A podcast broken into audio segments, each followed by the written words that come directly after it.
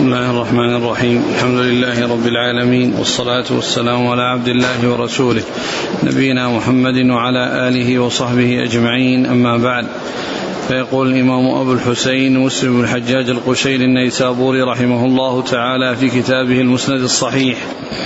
قال حدثنا الحسن بن علي الحلواني وعبد بن حميد. قال حدثنا أبو عامر العقدي عن المغيرة وهو ابن عبد الرحمن الحزامي عن أبي الزناد عن الأعرج عن أبي هريرة رضي الله عنه أن النبي صلى الله عليه وسلم قال لا تمنوا لقاء العدو فإذا لقيتموهم فاصبروا.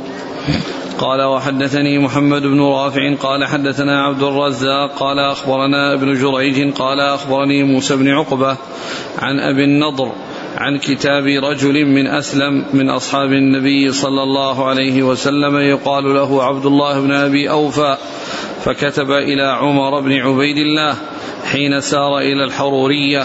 يخبره أن رسول الله صلى الله عليه وسلم كان في بعض أيامه التي لقي فيها العدو ينتظر حتى إذا مالت الشمس. قام فيهم فقال يا أيها الناس لا تتمنوا لقاء العدو. واسألوا الله العافية. فإذا لقيتموهم فاصبروا واعلموا أن الجنة تحت ظلال السيوف. ثم قام النبي صلى الله عليه وسلم وقال اللهم منزل الكتاب ومجري السحاب وهازم الأحزاب. اهزمهم وانصرنا عليهم. بسم الله الرحمن الرحيم. الحمد لله رب العالمين.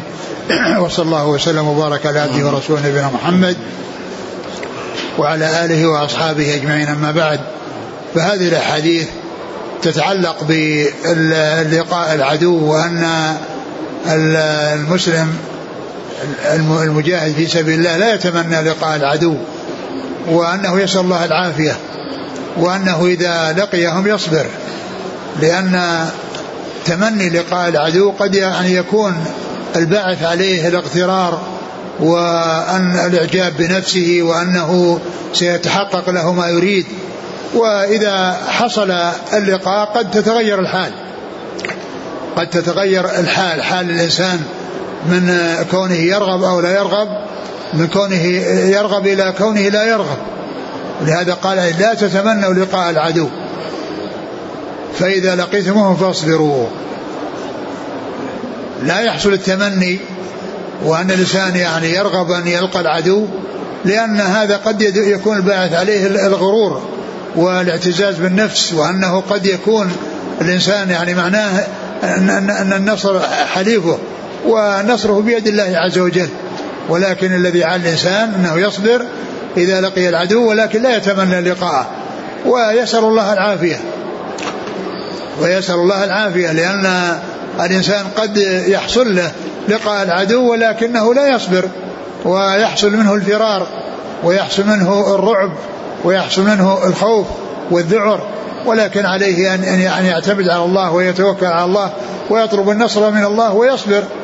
فلا يحصل منه فرار ولا يحصل منه تقصير في يعني الأمر الذي هو بصدده من من من, من, يعني من النكاية بالعدو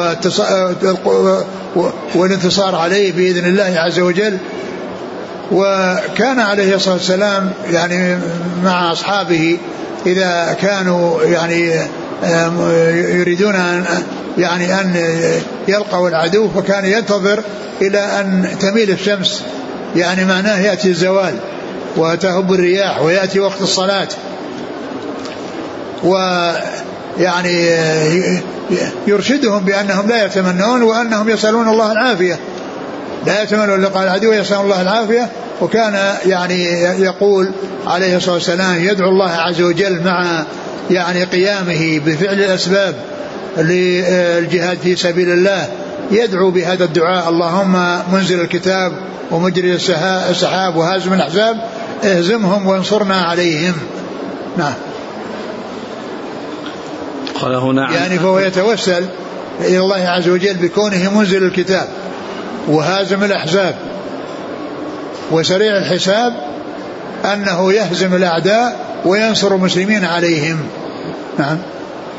قال عن أبي النضر عن كتاب رجل من أسلم من أصحاب نعم يعني أن هذا من كتاب أنه مأخوذ من كتاب وأنه مستمد من كتاب ومعلوم أن المكاتبة والأخذ بالكتاب والعمل بما يعني يتضمنه الكتب من يعني المكتوبة سواء كانت من شخص إلى شخص أو أنها مكتوبة في يعني في كتاب وصاحبه يعني محتفظ به وقد يعني أعطاه أو وصل إلى غيره و ف يعني فالمكاتبة والأخذ بما في الكتاب وما, وما في الإجازة هذا شيء معروف عند عند أهل العلم.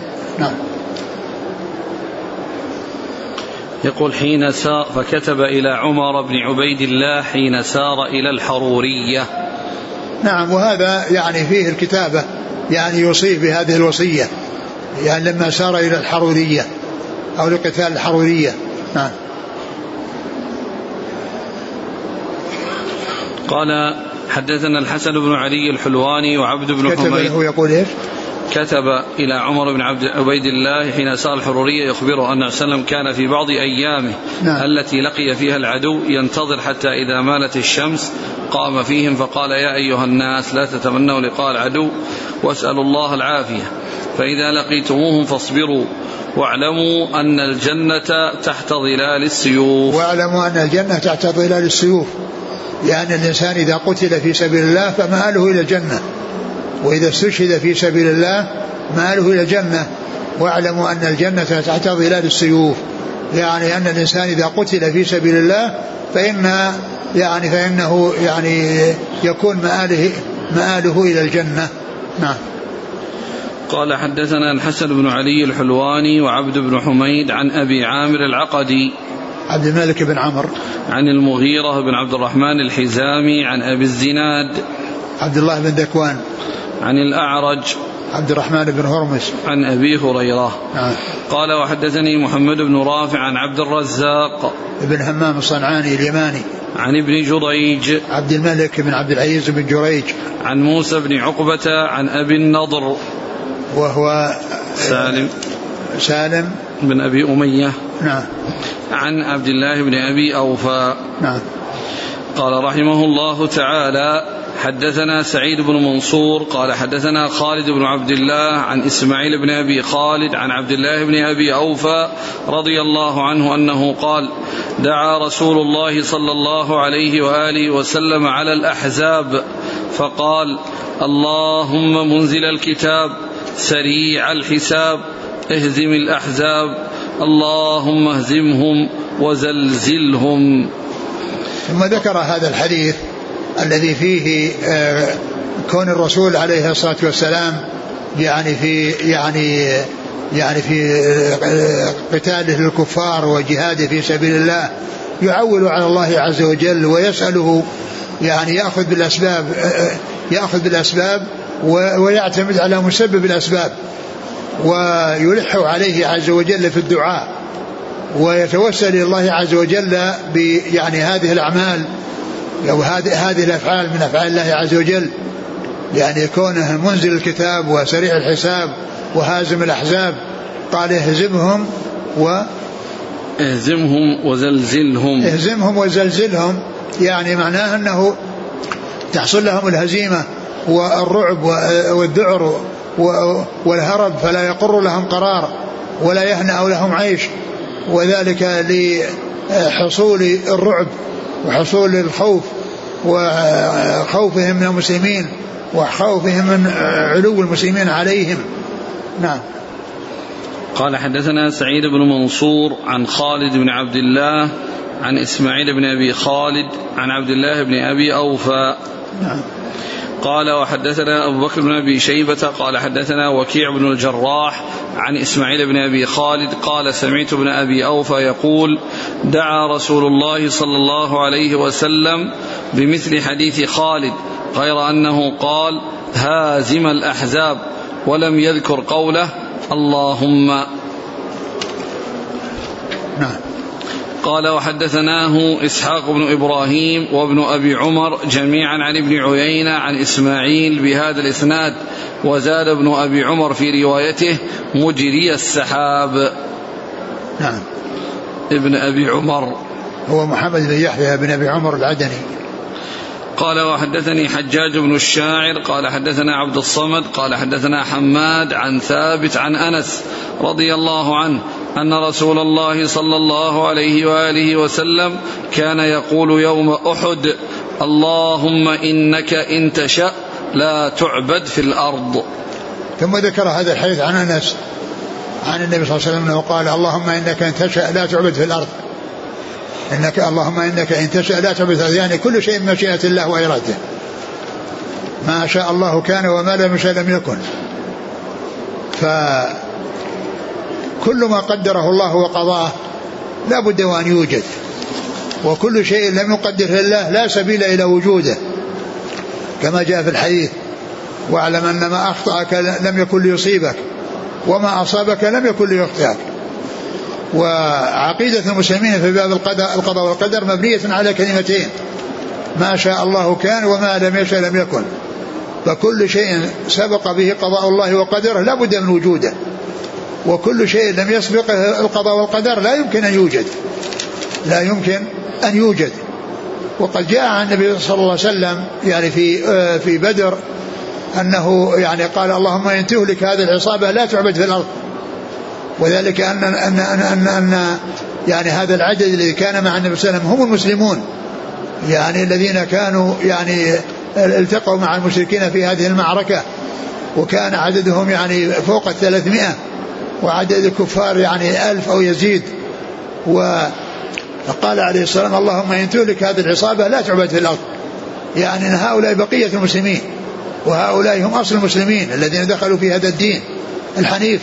فإذا أهلكهم الله عز وجل فإنه لا يعبد في الأرض. وهذا مما يستدل به بعض العلماء هذا الحديث الذي هو في قصة بدر على أن الخضر غير موجود. على أن الخضر ليس موجود لأن بعض الناس يقول أن الخضر أنه موجود وأنه حي وأنه باق. ولكن هذا الحديث وأمثال من الحديث تدل على أنه غير موجود. لأنه لو كان موجودا فإذا هلكت العصابة يكون الخضر في الأرض يعبد الله. فالعبادة يعني تحصل الخضر إذا هلكت هذه العصابة. ولهذا يعني هذا من الأدلة التي يستدل بها. ثم أيضا لو كان الخضر موجود كيف لا يأتي للرسول صلى الله عليه وسلم ويلقاه؟ ولقيه فيه الشرف الشرف العظيم لقي الرسول عليه الصلاة والسلام. وهنا قال اللهم إن تشاء لا تعبد. اللهم إنك إن تشاء لا تعبد في الأرض. يعني يعني قال بعض أهل العلم في معنى هذا أن أنها أن هذا فيه سؤال الله عز وجل والتعويل عليه بأن ينصر المسلمين وألا يسلط الكفار عليهم. لأنه إذا سلط الكفار على المسلمين يعني يحصل الخلل في العبادة والنقص في, في, في, العبادة. لكن إذا انتصر المسلمون على الكفار صار يعني في ذلك عبادة الله وكذلك قوة المسلمين وكثرة ما يدخل في دين الله عز وجل. فإذا إذا حصل أن الكفار انتصروا على المسلمين يحصل الخلل فيما يتعلق بعبادة حصول العبادة من المسلمين لله عز وجل. يعني إذا يعني تسلط الكفار على المسلمين ويعني قتلوا من يقتل منهم وأذلوهم وما إلى ذلك يحصل الخلل ويحصل النقص الكبير. ولكن إذا انتصر المسلمون على الكفار وهزم الكفار ولم تكن الغلبة للكفار فإن عبادة الله عز وجل تكون موجودة وتتحقق هذه العبادة وتوجد هذه العبادة يعني لله عز وجل. وقوله اللهم إن تشاء أن تهلك إن تشاء يعني لا تعبد في الأرض اللهم إنك إن تشاء. لا تعبد في الأرض. اللهم إنك إن تشاء لا تعبد في الأرض. يعني إذا شاء أن يتغلب الكفار على المسلمين لا تحصل العبادة يعني في الأرض. نعم. قال قال قال هذا المعنى بعض أهل العلم. نعم. قال حدثني حجاج بن الشاعر عن عبد الصمد. ابن عبد الوارث. عن حماد بن سلمة. عن ثابت ابن أسلم البناني. عن أنس. نعم. قال كان يقول يوم أحد. هذا كان يوم أحد. يعني وقد جاء يعني مثله في في بدر. بل يعني من الألفاظ التي جاءت في بدر اللهم إن تهلك هذه العصابة. إن تهلك هذه العصابة لا تعبد في الأرض. وهذا بمعناه يعني أن الكفار إذا تسلطوا على المسلمين ما حصلت العبادة كما ينبغي في الأرض وإن كان العبادة يعني توجد وتحصل لكنها لا تكون كهيئة انتصار المسلمين على الكفار ودخول الكفار في دين الله عز وجل. نعم. أخرج الإمام أحمد في مسنده من طريق يزيد بن هارون عن حميد عن أنس. قال كان من دعاء النبي صلى الله عليه وسلم بعد حنين اللهم إن شئت ألا تعبد بعد اليوم. قال الشيخ محمد علي آدم حديث صحيح. اللهم إن شئت ألا تعبد بعد اليوم. يعني معناه أن كل شيء من مشيئة الله عز وجل. يعني يعني وانتصار المسلمين على الكفار. يعني في يتحقق في هذا الأمر وانتصار الكفار على المسلمين يعني فيه ضعف هذا الأمر وحصول الخلل في هذا الأمر. قال رحمه الله تعالى حدثنا يحيى بن يحيى ومحمد بن رمح قال أخبرنا الليث. حا قال وحدثنا قتيبة بن سعيد قال حدثنا ليث عن نافع عن عبد الله رضي الله عنه أن امرأة وجدت في بعض مغازي رسول الله صلى الله عليه وسلم مقتولة فأنكر رسول الله صلى الله عليه وسلم قتل النساء والصبيان. قال حدثنا أبو بكر بن أبي شيبة قال حدثنا محمد بن بشر وأبو أسامة قال حدثنا عبيد الله بن عمر عن نافع عن ابن عمر قال وجدت امرأة مقتولة في بعض تلك المغازي فنهى رسول الله صلى الله عليه وسلم عن قتل النساء والصبيان. ثم ذكر هذا الحديث الذي فيه النهي عن قتل النساء والصبيان وأنهن لا يقتلن وإنما يقتل المقاتلة. وإذا كانت النساء يعني مقاتلة فإنها تقتل. ولكن حيث أنها ليست من أهل القتال ولم يحصل منها قتال فإنها لا تقتل ولكنها تؤسر وتسترق. الصبيان الذين لم يكلفوا ولم يبلغوا الحلم والنساء يعني هؤلاء لا يقتلون وإنما يعني يسترقون فتقتل المقاتلة مقاتلة ويسترق يعني النساء والصبيان. فالرسول عليه الصلاة والسلام أنكر لما رأى امرأة مقتولة أنكر ذلك عليه الصلاة والسلام ونهى عن قتل النساء والصبيان. نعم. قال حدثنا يحيى بن يحيى ومحمد بن رمح عن الليث. ابن سعد. حاق قال وحدثنا قتيبة بن سعيد عن الليث عن نافع عن عبد الله. عبد الله بن عمر رضي الله تعالى عنهما. قال حدثنا أبو بكر بن أبي شيبة عن محمد بن بشر وأبي أسامة. أبو أسامة حماد بن أسامة. عن عبيد الله بن عمر عن نافع عن ابن عمر. نعم. قال رحمه الله تعالى وحدثنا يحيى بن يحيى وسعيد بن منصور وعمر الناقد جميعا عن ابن عيينة. قال يحيى أخبرنا سفيان بن عيينة عن الزهري عن عبيد الله عن ابن عباس عن الصعب بن جثامة رضي الله عنهم قال سئل النبي صلى الله عليه وسلم عن الذراري من المشركين يبيتون فيصيبون من نسائهم وذراريهم فقال هم منهم قال حدثنا عبد بن حميد قال أخبرنا عبد الرزاق قال أخبرنا معمر عن الزهري عن عبيد الله بن عبد الله بن عتبة عن ابن عباس عن الصعب بن جثامة قال قلت يا رسول الله إنا نصيب في البيات من ذراري المشركين قال هم منهم.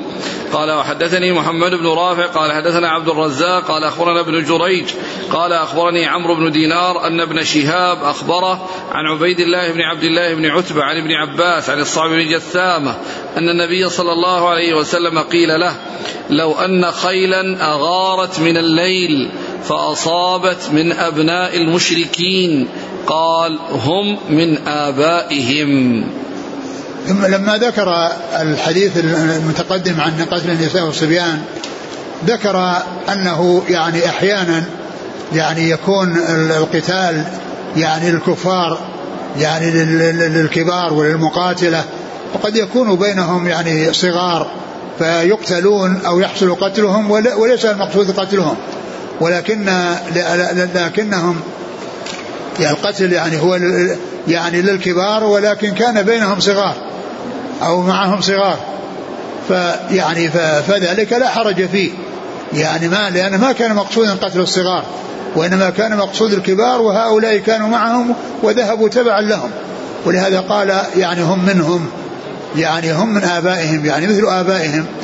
يعني الأصل يعني أنهم حكم حكمهم في الدنيا لأنهم يعني مماثلون لهم ويعني فهم كفار وهؤلاء أبناء كفار.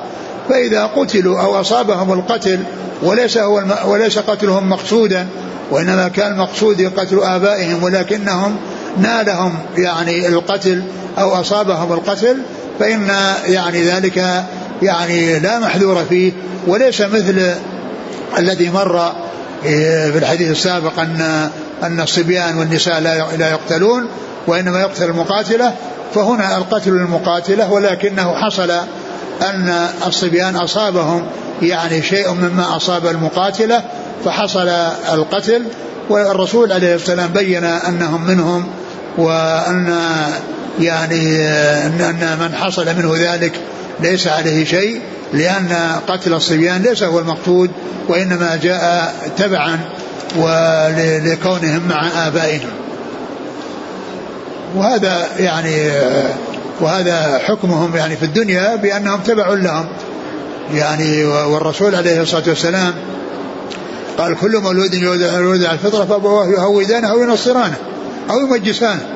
يعني فيعني ينشأ على دينهم ويكون يعني على عقيدتهم وعلى ما هم عليه ولكنه يوم القيامة يعني يمتحنون ولما سئل الرسول عليه الصلاة والسلام عن أولاد الكفار قال الله أعلم بما كانوا عاملين. يعني إذا امتحنوا يوم القيامة يؤول أمرهم ويصير أمرهم في الآخرة يعني تبعا لنتيجة الامتحان الذي يمتحنون. كما يمتحن الذين ما بلغتهم الدعوة ولم تبلغهم الرسالة فإنهم يمتحنون يوم القيامة. وأولاد الكفار هم من جنسهم ولهذا قال عليه الصلاة والسلام الله أعلم بما كانوا عاملين. نعم. قال حدثنا يحيى بن يحيى وسعيد بن منصور وعمرو الناقد عن ابن عن ابن عيينة عن عبيد الله. عن؟ عن ابن عباس. عبيد الله بن, بن عبد الله بن عتبة بن مسعود. نعم. عن ابن عباس عن الصعب بن جثامة. نعم. أحسن الله إليك الآن كما تعلم من الأشياء الموجودة التترس. قد يتترسون بالأبناء والنساء. هذا من جنسه. أقول هذا من جنسه. يعني الآن صار القتل محقق لأنهم أول صف. على كل يعني إذا كان أن أولئك يعني يتترسون وهم يعني يضربون المسلمين المسلمين يتركونهم يعني من أجل أن معهم أولادهم؟ أبدا هذا من جنس الذي جاء في الحديث. يعني هم, هم منهم. إذا قتلوا تبعا لهم هم منهم. كذلك سؤال آخر يتترسون أحيانا بالمسلمين يقدمون المسلمين في أول صف الكفار حتى يصير القتل عليهم أول إذا كان إذا أمكن يعني در يعني لإصابة المسلمين فهذا مطلوب وإذا كان أنهم هم يعني يطلقون على المسلمين المسلمين يعني ويعني والمسلمون معهم يعني فالناس ما يتركونهم من أجل المسلمين ما يتركون لأنهم يفنونهم. لو كان يعني أن هؤلاء معهم مسلمون وأولئك يطلقون على المسلمين ويقتلونهم والمسلمون لا يفعلون شيء لأنهم فعلوا هذا يعني هذا معذورين. إذا يعني والمسلمون إذا إذا حصل لهم قتل فهم فهم على خير. يعني وهي, وهي شهادة لهم. نعم. قال رحمه الله تعالى حدثنا يحيى بن يحيى ومحمد بن رمح قال أخبرنا الليث. قال حدثنا قتيبة بن سعيد قال حدثنا ليث عن نافع عن عبد الله رضي الله عنه أن رسول الله صلى الله عليه وسلم حرق نخل بني النضير وقطع وهي, وهي البويرة. زاد قتيبة وابن رمح في حديثهما فأنزل الله عز وجل ما قطعتم من لينة أو تركتموها قائمة على أصولها فبإذن الله وليخزي الفاسقين. قال حدثنا سعيد بن منصور وهناد بن السري قال حدثنا ابن المبارك عن موسى بن عقبة عن نافع عن ابن عمر رضي الله عنهما أن رسول الله صلى الله عليه وسلم قطع نخل بني النضير وحرق ولها يقول حسان رضي الله عنه وهان على سرات بني لؤي حريق بالبويرة مستطير. وفي ذلك نزلت ما قطعتم من لينة أو تركتموها قائمة على أصولها؟ الآية.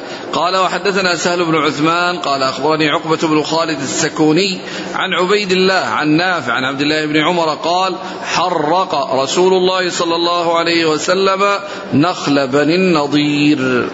ثم ذكر هذه الأحاديث التي فيها تحريق الرسول صلى الله عليه وسلم لنخل بني النضير وأن الله عز وجل أنزل في ذلك الآية في سورة الحشر وأن يعني هذا فيه نكاية يعني بالعدو والحاق الضرر به ويعني فجاء ذلك عن رسول الله عليه الصلاة والسلام حرق يعني نخل بني النضير وقطع نعم. وقطع يعني قطع النخل يعني بمعنى أنه يعني أتلفه. نعم فهذا يدل على أن أنه إذا كانت المصلحة في النكاية في العدو بمثل هذا العمل أن لذلك أصل ثابت عن رسول الله صلى الله عليه وسلم. قال حدثنا يحيى بن يحيى ومحمد بن رمح عن الليث. حا قال حدثنا قتيبة بن سعيد عن الليث عن نافع عن ابن عمر. نعم. قال حدثنا سعيد بن منصور وهناد بن السري عن ابن المبارك. عبد الله بن المبارك آه، قول حسان وهان على سرات بني لؤي. حريق بالبويرة مستطير. مستطير يعني يعني منتشر و يعني وحاصل وواقع والسرات جمع آه، يعني آه، سري وهو السادة يعني والأشراف في القوم. يعني يعني معناها الذين يعني تولوا هذا أنهم من سرات يعني بني لؤي. نعم. والسرات هم السادة. لا يصلح الناس فوضى لا سرات لهم ولا سرات إذا جهالهم سادوا.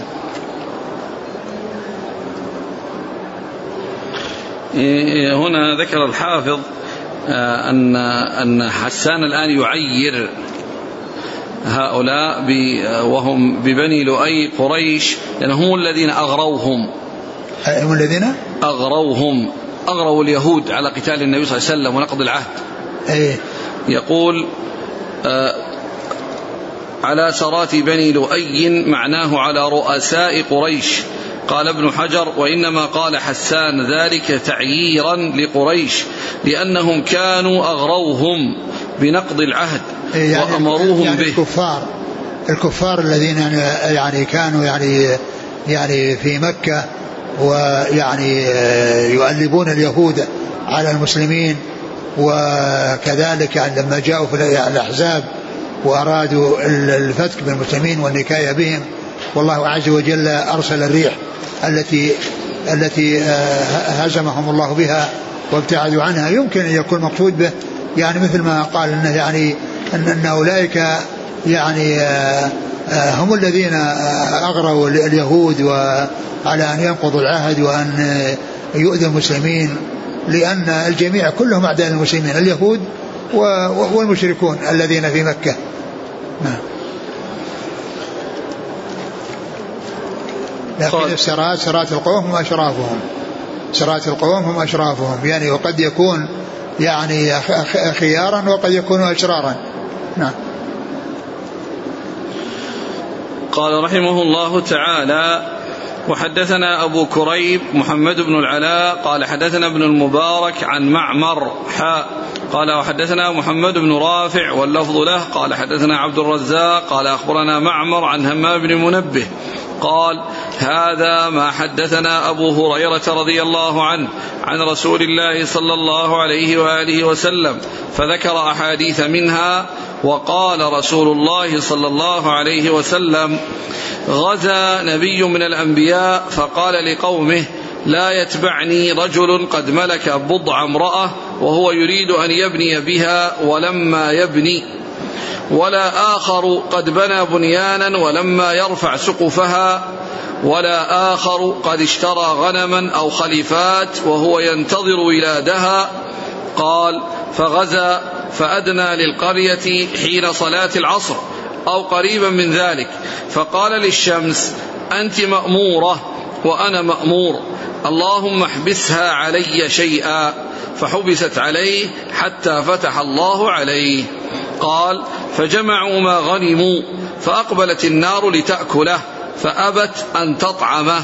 فقال فيكم غلول فليبايعني من كل قبيلة رجل فبايعوه.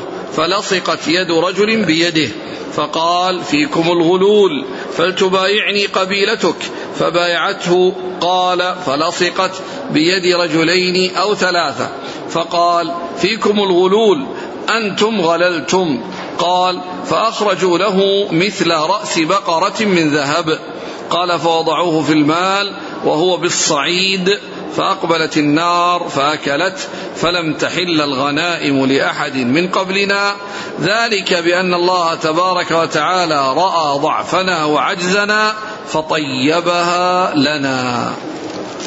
ثم ذكر هذا الحديث المتعلق بحل الغنائم لهذه الأمة وأنها من خصائص هذه الأمة وأن الأمم السابقة يعني ما لم تحل لهم الغنائم وقد جاء يعني في هذا الحديث ذكر أن أن هذه الغنائم أحلت لهذه الأمة وجاء في حديث جابر الذي فيه أعطيت خمسا لم يعطهن أحد من الأنبياء قبلي وقال وأحلت لي الغنائم ولم تحل لأحد قبلي.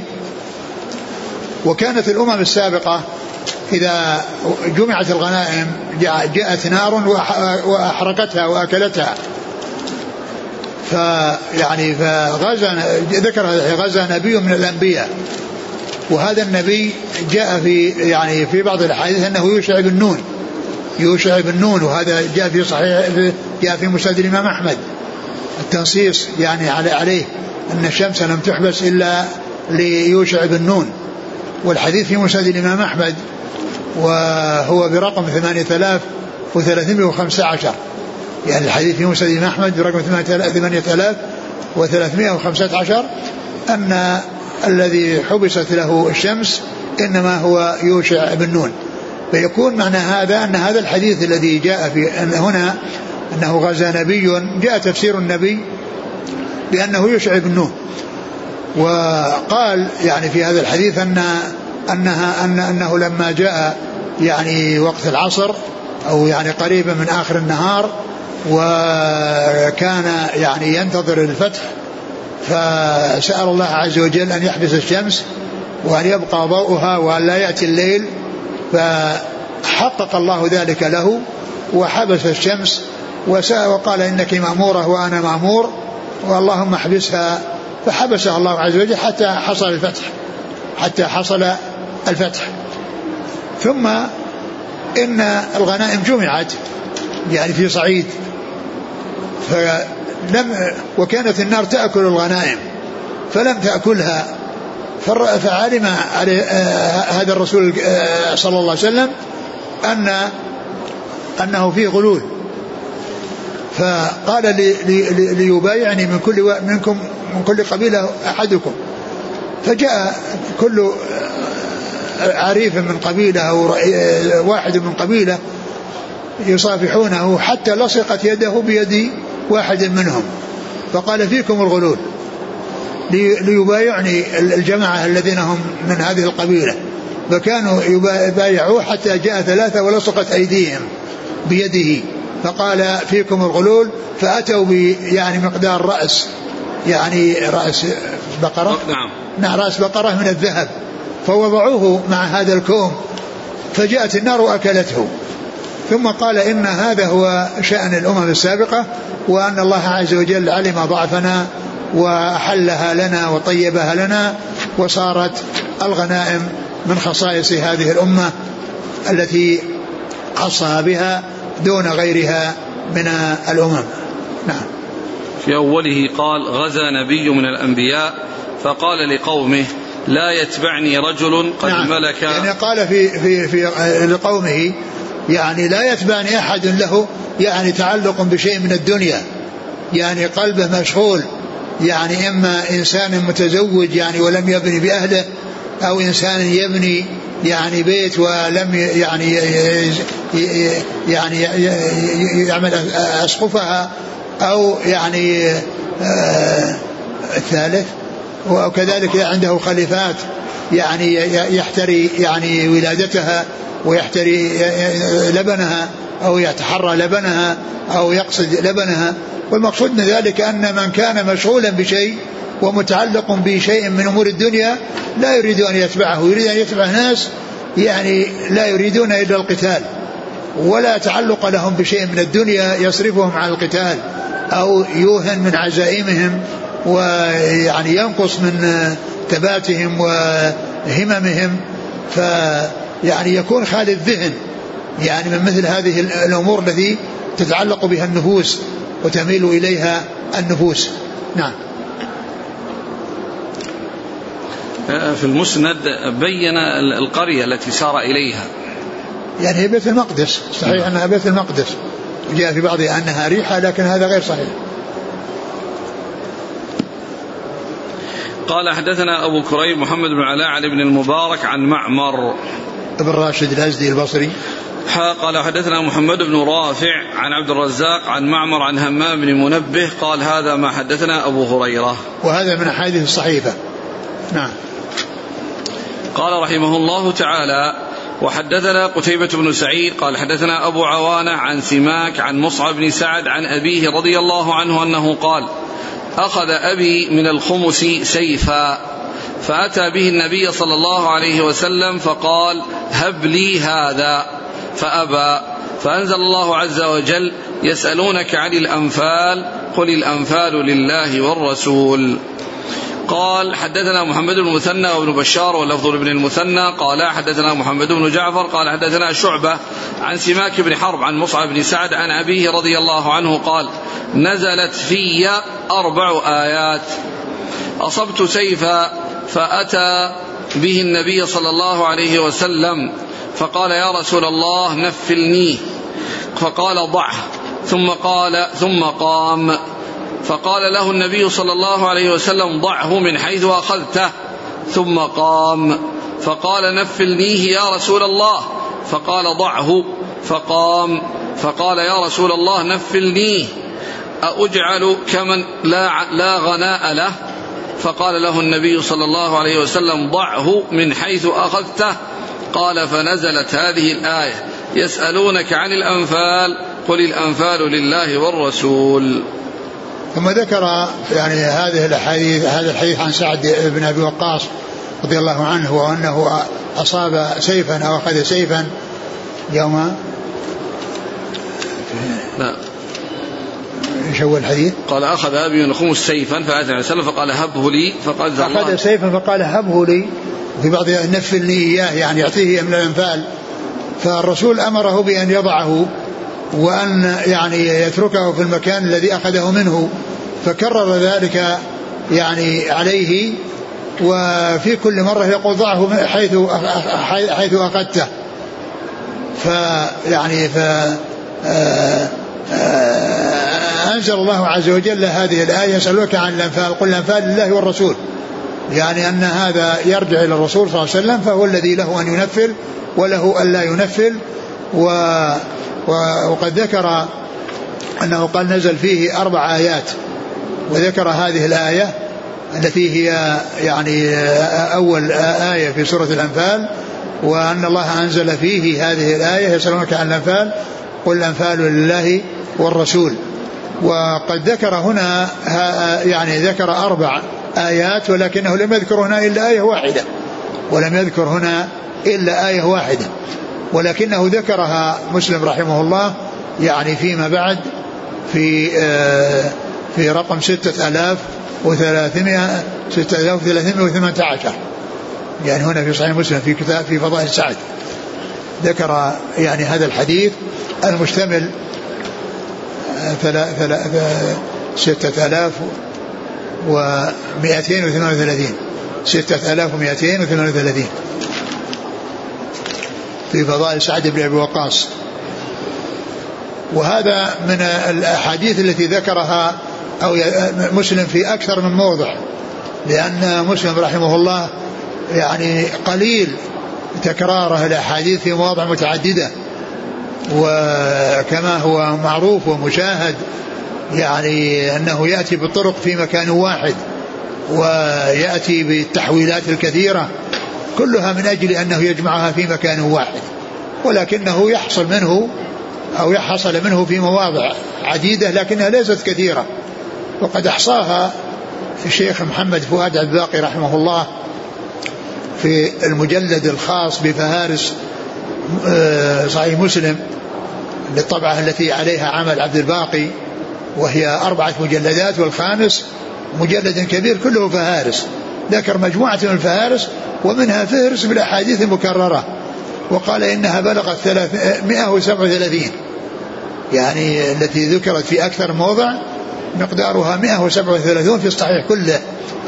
وقد ذكر ذلك في آه في آه صفحة 600 هو واحد من من من مجلد الفهارس. ذكر هذا الكلام في صفحة 601 من المجلد الخاص بالفهارس وأنها 137 نعم.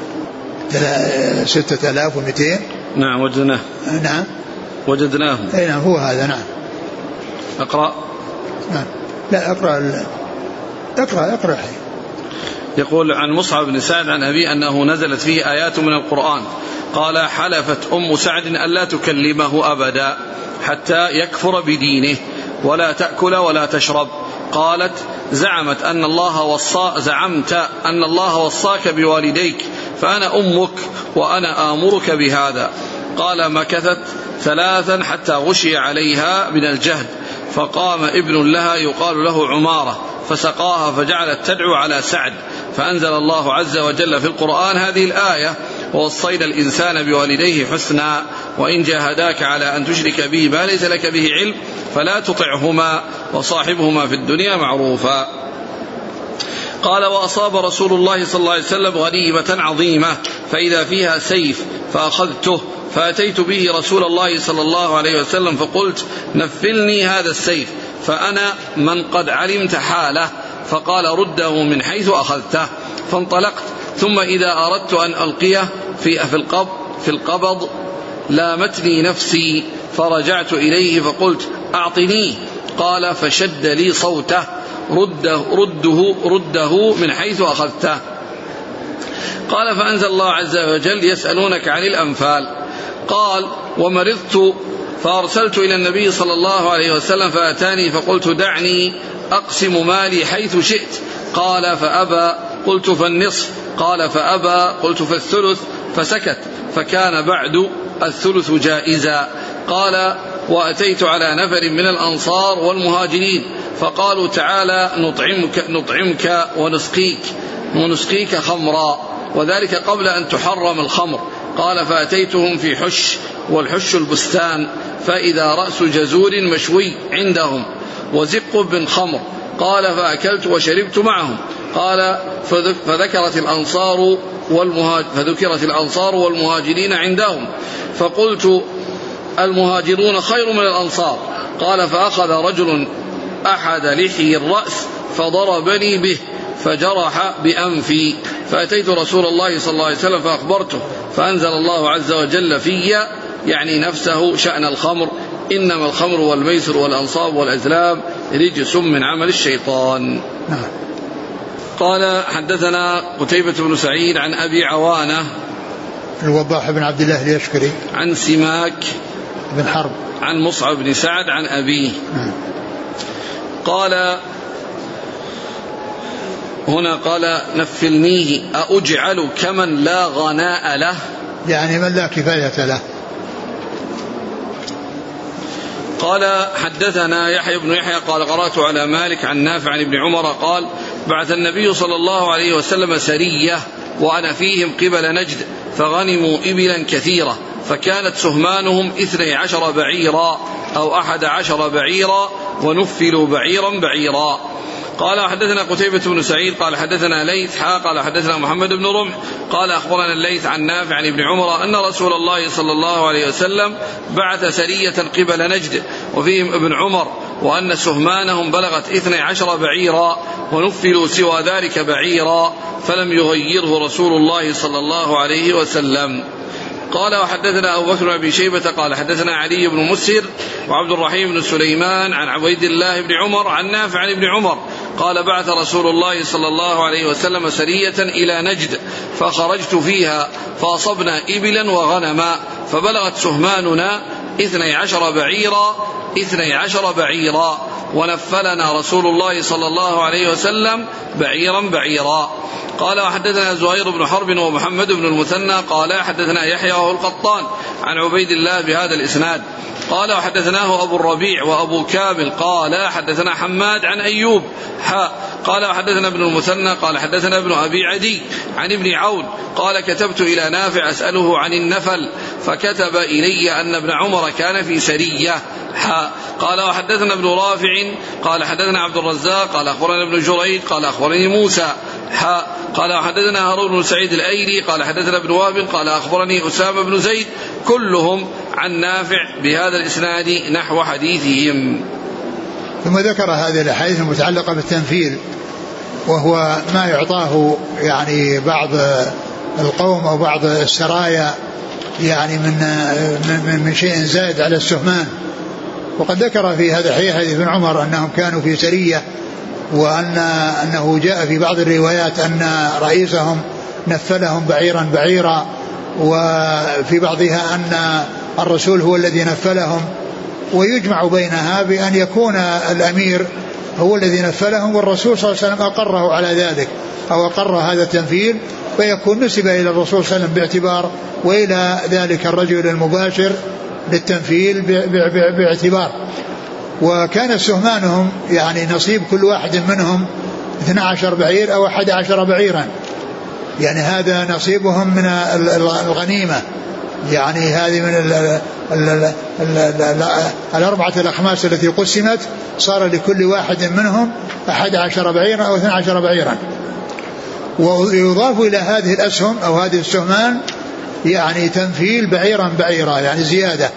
يعني كل واحد أعطاه بعيرا زيادة على على سهمه. فيعني يعني التنفيل يعني هذا يحصل من يعني من من من رئيس الجيش أو من رئيس السرية. والسرية هي التي قطعة تخرج من الجيش وترجع ويعني حكمها حكم الجيش. والغنائم التي تكون معها تكون يعني من جملة الغنائم التي تكون يعني من غنائم الجيش. ولكنها يعني إذا أعطي كل واحد منهم شيء من النفل يعني فإنه يعطى إياه. ويعني وقد وقد كان في هذه القصة أو في هذه الغزوة التي فيها ابن عمر أنهم نفلوا بعيرا بعيرا. نعم. قال حدثنا يحيى بن يحيى قال قرأت على مالك عن نافع عن ابن عمر قال وحدثنا أبو الربيع وأبو كامل. أبو الربيع سليمان بن داود الزهراني. وأبو كامل الفضيل بن حسين الجحدري. عن حماد. حماد بن زيد. عن أيوب. بن أبي تميم السختياني. قال حا وحدثنا ابن المثنى عن ابن أبي عدي. هو هو محمد محمد بن إبراهيم. عن ابن عون. هو عبد الله بن عون بن أرطبان. عن نافع. نعم. قال وحدثنا سريج بن يونس وعمر الناقد واللفظ لسريج قال حدثنا عبد الله بن رجاء عن يونس عن الزهري عن سالم عن أبيه قال نفلنا رسول الله صلى الله عليه وسلم نفلا سوى نصيب سوى نصيبنا من الخمس فأصابني شارف. والشارف المسن الكبير. قال وحدثنا هناد بن السري قال حدثنا ابن المبارك حا قال حدثني حرملة بن يحيى قال أخبرنا ابن وهب كلاهما عن يونس عن ابن شهاب قال بلغني عن ابن عمر قال نفل رسول الله صلى الله عليه وسلم سرية بنحو حديث ابن رجاء. قال وحدثنا عبد الملك بن شعيب بن الليث قال حدثني أبي عن جدي قال حدثني عقيل بن خالد عن ابن شهاب عن سالم عن عبد الله رضي الله عنه أن رسول الله صلى الله عليه وسلم قد كان ينفل بعض من يبعث من السرايا لأنفسهم خاصة سوى قسم عامة الجيش والخمس والخمس في ذلك واجب كله. ثم ذكر يعني هذا الحديث عن ابن عمر وأن الرسول عليه الصلاة والسلام كان ينفل يعني بعض السرايا يعني زيادة على سهمانهم وأن يعني أنهم يأخذون السهمان ويضاف إليها التنفيل الذي جاء عن رسول الله عليه, الصلاة والسلام. إيش يقول في الأول قال نفلنا سوى نصيبنا من الخمس نعم فأصابني. نفلنا, نفلنا سوى نصيبنا من الخمس. يعني نفلهم من الخمس. يعني ليس المقصود نصيبنا من الخمس لأن نصيبه من الغنائم. يعني الذي هي السهمان السهمان التي تكون من الغنائم. فإذا من الخمس ترجع إلى يعني آه إلى نفلنا. من, من الخمس ليس المقصود انه أن أن أن أنهم ينفلهم يعني آه سهمانهم أن سهمانهم من الخمس لأن سهمانهم من الغنائم ولكن التنفيل من الخمس نفلنا إيش بعد سماء قال نفلنا صلى الله عليه وسلم نفلا سوى نصيبنا من الخمس. يعني نفلا سوى نصيبنا من الخمس. يعني نفلهم من الخمس. نعم. وأما نصيبهم من الغنائم اللي هي السهمان نعم. فأصابني شارف. وأصابني شارف وهو الكبير يعني المسن الكبير من من من الإبل. قال كان ينفل بعض من يبعث من السراء لأنفسهم خاصة سوى قسم عامة الجيش. اي نعم لأن السهمان عامة الجيش لهم السهمان. وهؤلاء يعني الذين هم يعني في السرية ولهم مثل ما للجيش من السهمان ويضاف إليهم هذا التنفيل الذي أعطوا إياه زيادة على سهمانهم. قال والخمس في ذلك واجب كله. أي نعم كله يعني الخمس يعني آه، خمس الغنائم يؤخذ آه، الغنائم يؤخذ منها الخمس. سواء من أصل الجيش أو من السرايا. إذا النفل يكون من أصل الغنيمة أو من الخمس؟ يكون من أصل الغنيمة ويكون من الخمس. لكنه جاء هنا أنها أنه من الخمس.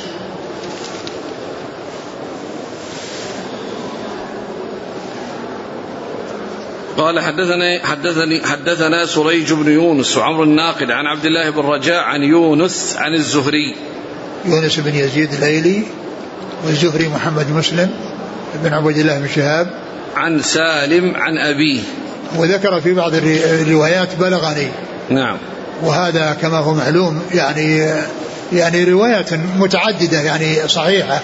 يعني ليس التعويل على هذا الذي فيه البلاغ وإنما التعويل على الأحاديث المتصلة. ولكن هذا يعني يعني يعني فيه زيادة. ولكنها ليس التعويل عليها لأن فيها انقطاع. ولكن التعويل على المتصل الطرق المتصلة. قال رحمه الله تعالى حدثنا يحيى بن يحيى التميمي قال أخبرنا هشيم عن يحيى بن سعيد عن عمر بن كثير بن أفلح عن أبي محمد الأنصاري وكان جليسا لأبي قتادة. قال قال أبو قتادة رضي الله عنه واقتص الحديث. قال وحدثنا قتيبة بن سعيد قال حدثنا ليث عن يحيى بن سعيد عن عمر بن كثير عن أبي محمد مولى أبي قتادة أن أبا قتادة قال وساق الحديث. قال وحدثنا أبو الطاهر وحرملة واللفظ له قال أخبرنا عبد الله بن وهب قال سمعت مالك بن أنس يقول حدثني يحيى بن سعيد عن عمر بن كثير بن أفلح عن أبي محمد مولى أبي قتادة عن أبي قتادة رضي الله عنه أنه قال خرجنا مع رسول الله صلى الله عليه وسلم عام حنين فلما التقينا كانت للمسلمين جولة قال فرأيت رجلا من المشركين قد علا رجلا من المسلمين فاستدرت إليه حتى أتيته من ورائه فضربته على حبل عاتقه وأقبل علي فضمني ضمة وجدت منها ريح الموت ثم أدركه الموت فأرسلني فلحقت عمر بن الخطاب فقال ما للناس؟ فقلت أمر الله. ثم إن الناس رجعوا وجلس رسول الله صلى الله عليه وسلم فقال من قتل قتيلا له عليه بينة فله سلبه. قال فقمت فقلت والله تعالى أعلم وصلى الله وسلم وبارك على عبده ورسوله نبينا محمد وعلى آله وأصحابه أجمعين. جزاكم الله خيرا وبارك الله فيكم. ألهمكم الله الصواب وفقكم للحق. شفاكم الله وعافاكم ونفعنا الله بما سمعنا وغفر الله لنا ولكم وللمسلمين أجمعين. آمين. يقول أحسن الله إليك. يستدل المقاتلون عندنا بفلسطين على صحة جهادهم مع فارق القوة بين عتادهم وعتاد إسرائيل إيش إيش؟ يستدل المقاتلون عندنا بفلسطين على صحة جهادهم مع فارق القوة بين عتادهم وعتاد إسرائيل. بأن النبي صلى الله عليه وسلم قاتل في بدر وهم ثلاثمائة وبضعة عشر يقاتلون ألفا فاختلاف العدد ومع ذلك قاتل. فرق شاسع بين المثل بين التشبيه والمشبه به. هذا عندهم قوة إيمان وقوة يقين وإخلاص لله عز وجل وصدق وقد جاهدوا نفوسهم قبل أن يجاهدوا أعداءهم. أما في هذا الزمان فالحال معروفة. الحال يعني معروفة يعني مجاهدة النفس غير موجودة. عند كثير من عند كثير من هؤلاء من, من عند, عند ليس يعني ليست حاصلة عند كثير من هؤلاء أو عندهم إلا من شاء الله عز وجل. فيقول هذا قياس مع الفارق. هذا أقول القياس يعني من أبعد ما يكون في القياس. فلا فلا فلا شبه ولا تقارب. قبل ذلك يعني كان الصحابة رضي الله عنهم وأرضاهم يهابهم يهابهم أعداءهم مع كثرتهم. وقصة المغيرة بن شعبة في الجيش الذي كان فيه النعمان بن مقرن والحديث في صحيح البخاري لما يعني قال زعيم الفرس أو كبير الفرس أرسلوا يعني شخص نتفاوض إياه فذهب المغيرة بن شعبة إليه فقال ما أنتم؟ يقول له يعني هذا الرئيس قال نحن قوم من العرب. كنا في بلاء شديد وفقر شديد. كنا نعبد الحجر والشجر ونمص النوى والجلد من الجوع. فأرسل الله لنا رسولا من أنفسنا نعرف أباه وأمه وأمرنا بالجهاد في سبيل الله وأخبرنا أن من مات منا وهو في جنة عرضها السماوات والأرض ومن عاش منا ملك رقابكم. ومن عاش منا ملك رقابكم. يعني هذا الكلام يعني ناتج عن عن عن, عن مجاهدة النفس. يعني من جاهد نفسه يستطيع أن يجاهد غيره. وأما من لم يستطع مجاهدة نفسه فلا يعني فغيره يعني في الغالب أنه في سلامة منه. يقول أحسن الله إليك ما الفرق بين الغنيمة والفيء؟ الغنيمة يعني كما يعني قالوا أن الغنيمة ما حصل بقتال والفيء ما حصل بدون قتال. يعني ما أوجدتم عليه من خير ولا ركاب. فالغنيمة يعني كانت بقتال ويحصلون أربعة الأخماس لأنهم باشروا القتال وأما الفيء فهو الذي يحصل بدون قتال. يقول إذا كان إذا كانت الأم كافرة فهل لها أن تمنع ابنها المسلم من الغزو؟ لا ليس لها. أقول ليس لها أن تمنعه. يقول في ظل ما يعيشه المسلمون اليوم من فتن فهل يجوز التعامل مع جمعية الصليب الأحمر لغرض الحصول على المساعدات الغذائية فقط؟ أعيد السؤال. في ظل ما يعيشه المسلمون اليوم من فتن هل يجوز التعامل مع جمعية الصليب الأحمر لغرض الإنسان المضطر إلى يعني أكل يأخذه يعني إن حصله من طريق سليمة من المسلمين فهذا هو الذي ينبغي وإن لم يحصله إلا من الكفار فإن له أن يأخذه.